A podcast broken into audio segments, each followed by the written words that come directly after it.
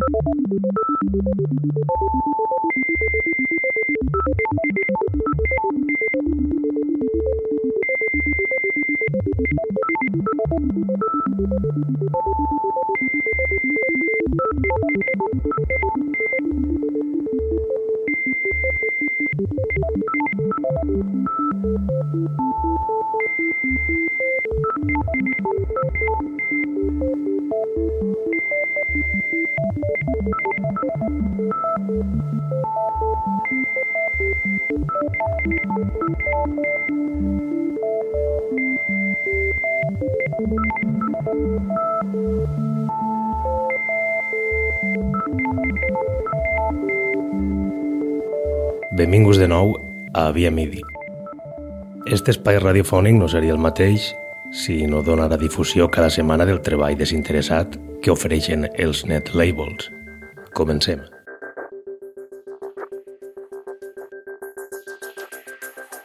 Quan un net label publica una referència, s'exposa a que el treball que apareix al seu catàleg acabi apareguent també a altres plataformes. Segurament en una discogràfica convencional seria un motiu de conflicte, però cal pensar que els net labels es reforcen entre ells mateix i que no sol existir cap rivalitat.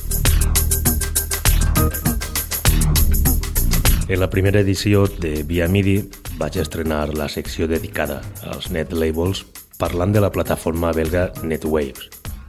Esta plataforma opera com a discogràfica i també com a un podcast setmanal on diferents artistes mesclen seig utilitzant únicament obres publicades per ells mateix o per altres net labels. I quan publiquen un d'estos podcasts, també aporten cada tema dels que apareix. Recentment, el passat 11 d'octubre, publicaven un podcast de Charles Barnes anomenat Listen, You Can Hear the Waves – sessió amb 11 pistes. Este set obri amb A Dark Meta del britànic Noel Griffin, tema creat en maig de 2016 però que l'autor compartia el passat mes de juliol.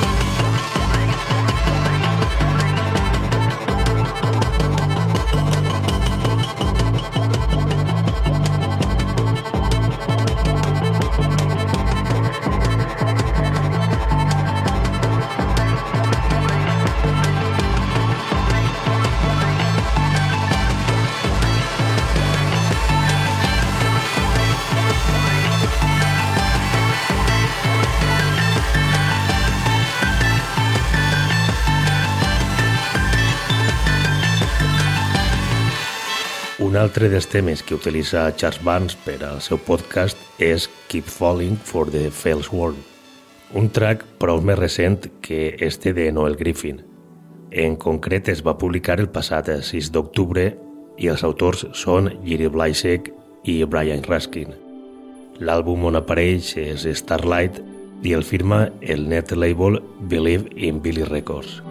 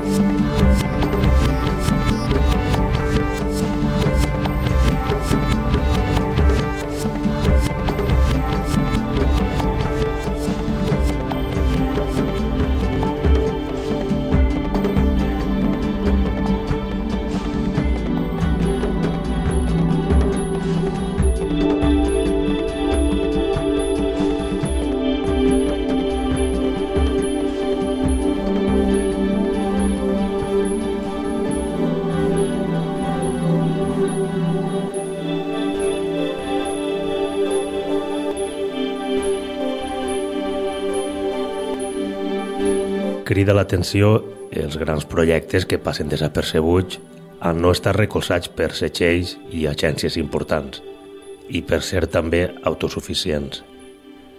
Roden Tapes és un net label que naix primerament com a una discogràfica habitual en 1989 de mà del britànic Ralph Bevis, conegut artísticament com a Gypsy i Arthaton. Des d'aleshores, este setxell ha servit per a publicar treballs únicament del seu màxim responsable. I amb esta última van ja 260 referències. L'última és Vampire State Reshuffle i tan sols conté un tema. Es publica el 7 d'octubre d'este 2018 i és una de les pistes que apareixen en este podcast de Charles Barnes per a NetWaves.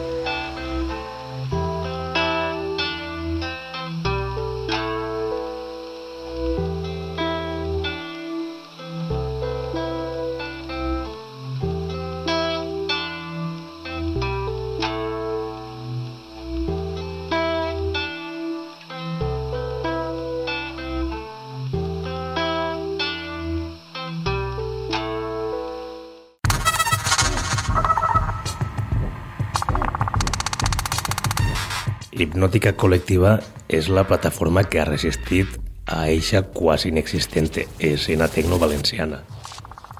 I vaig a matisar un poc més perquè segur que més dur opina el contrari i opina que el tecno està molt present al llevant espanyol. Però quan parle de tecno, parle de tecno, no del que la majoria diu ser tecno, però de tecno té ben poc. El gènere al qual em referís que és el contundent, l'elaborat, al que no tenia una mica de connexió amb el tech house comercial i facilongo que per una recent moda ara també anomenen techno. HC Records és la discogràfica que naix amb hipnòtica col·lectiva. Este segell publica referències tant en vinil com en digital i este pròxim 24 d'octubre llancen la tercera entrega en forma de vinil que arriba de la mà del manxec Slarem. Industrial Machiner és la pista principal, la que obre el llançament.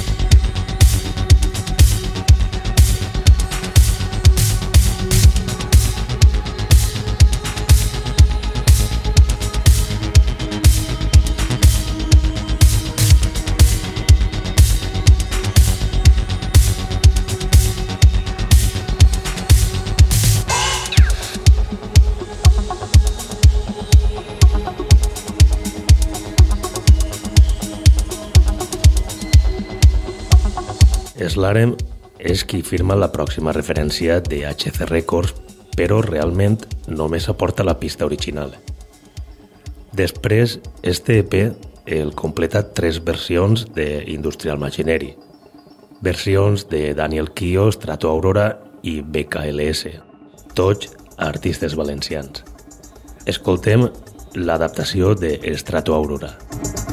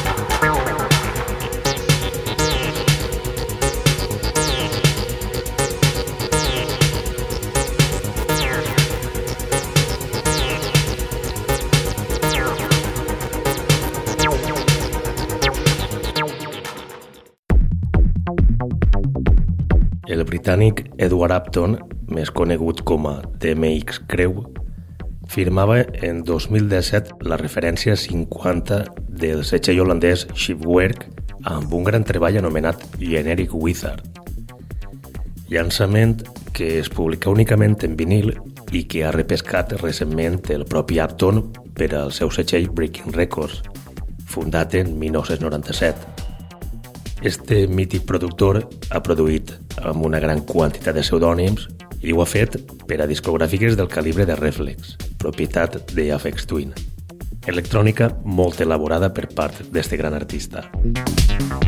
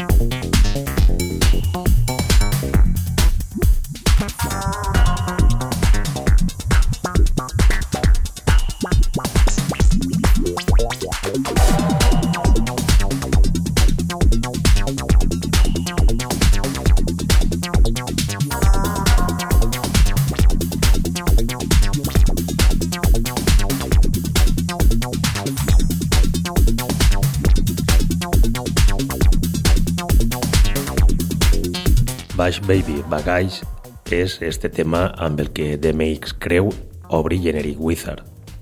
Continuem amb Irrational Momentum, quart tall d'un total de 5 pistes.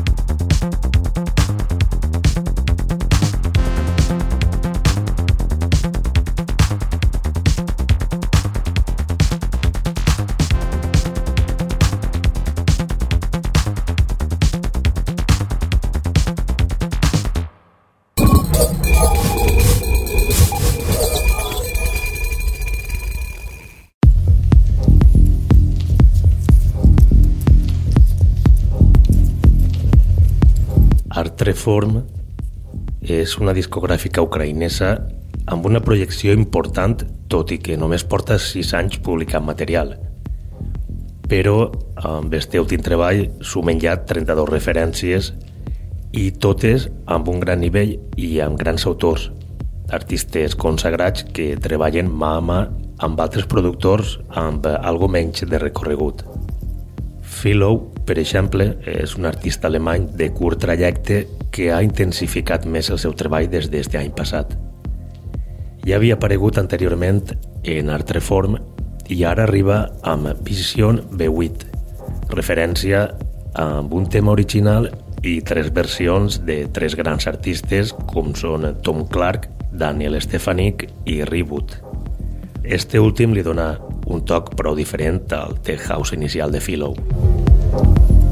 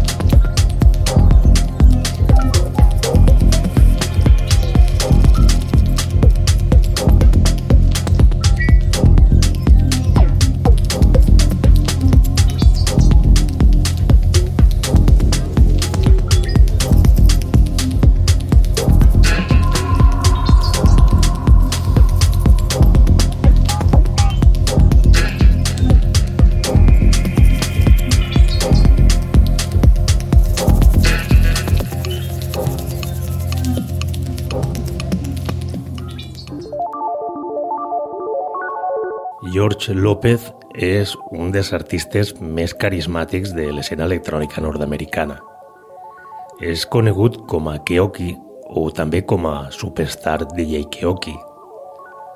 Ha triomfat més per la posta en escena que per a algun altre motiu artístic, ja que musicalment no ha mantingut una línia i ha divagat prou canviant contínuament d'estil.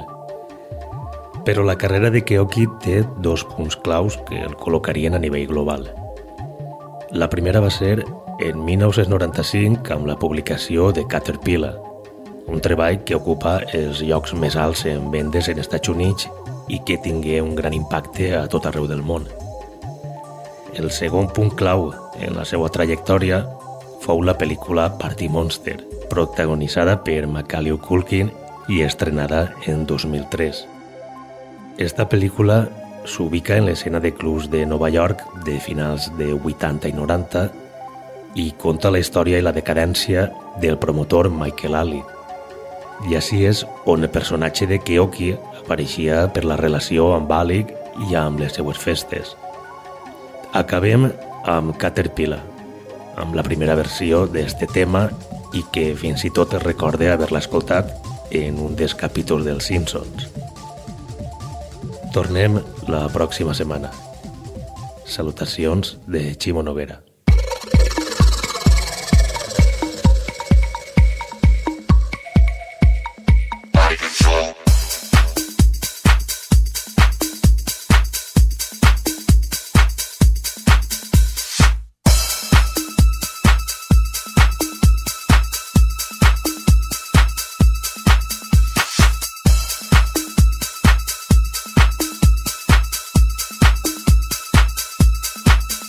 Oh.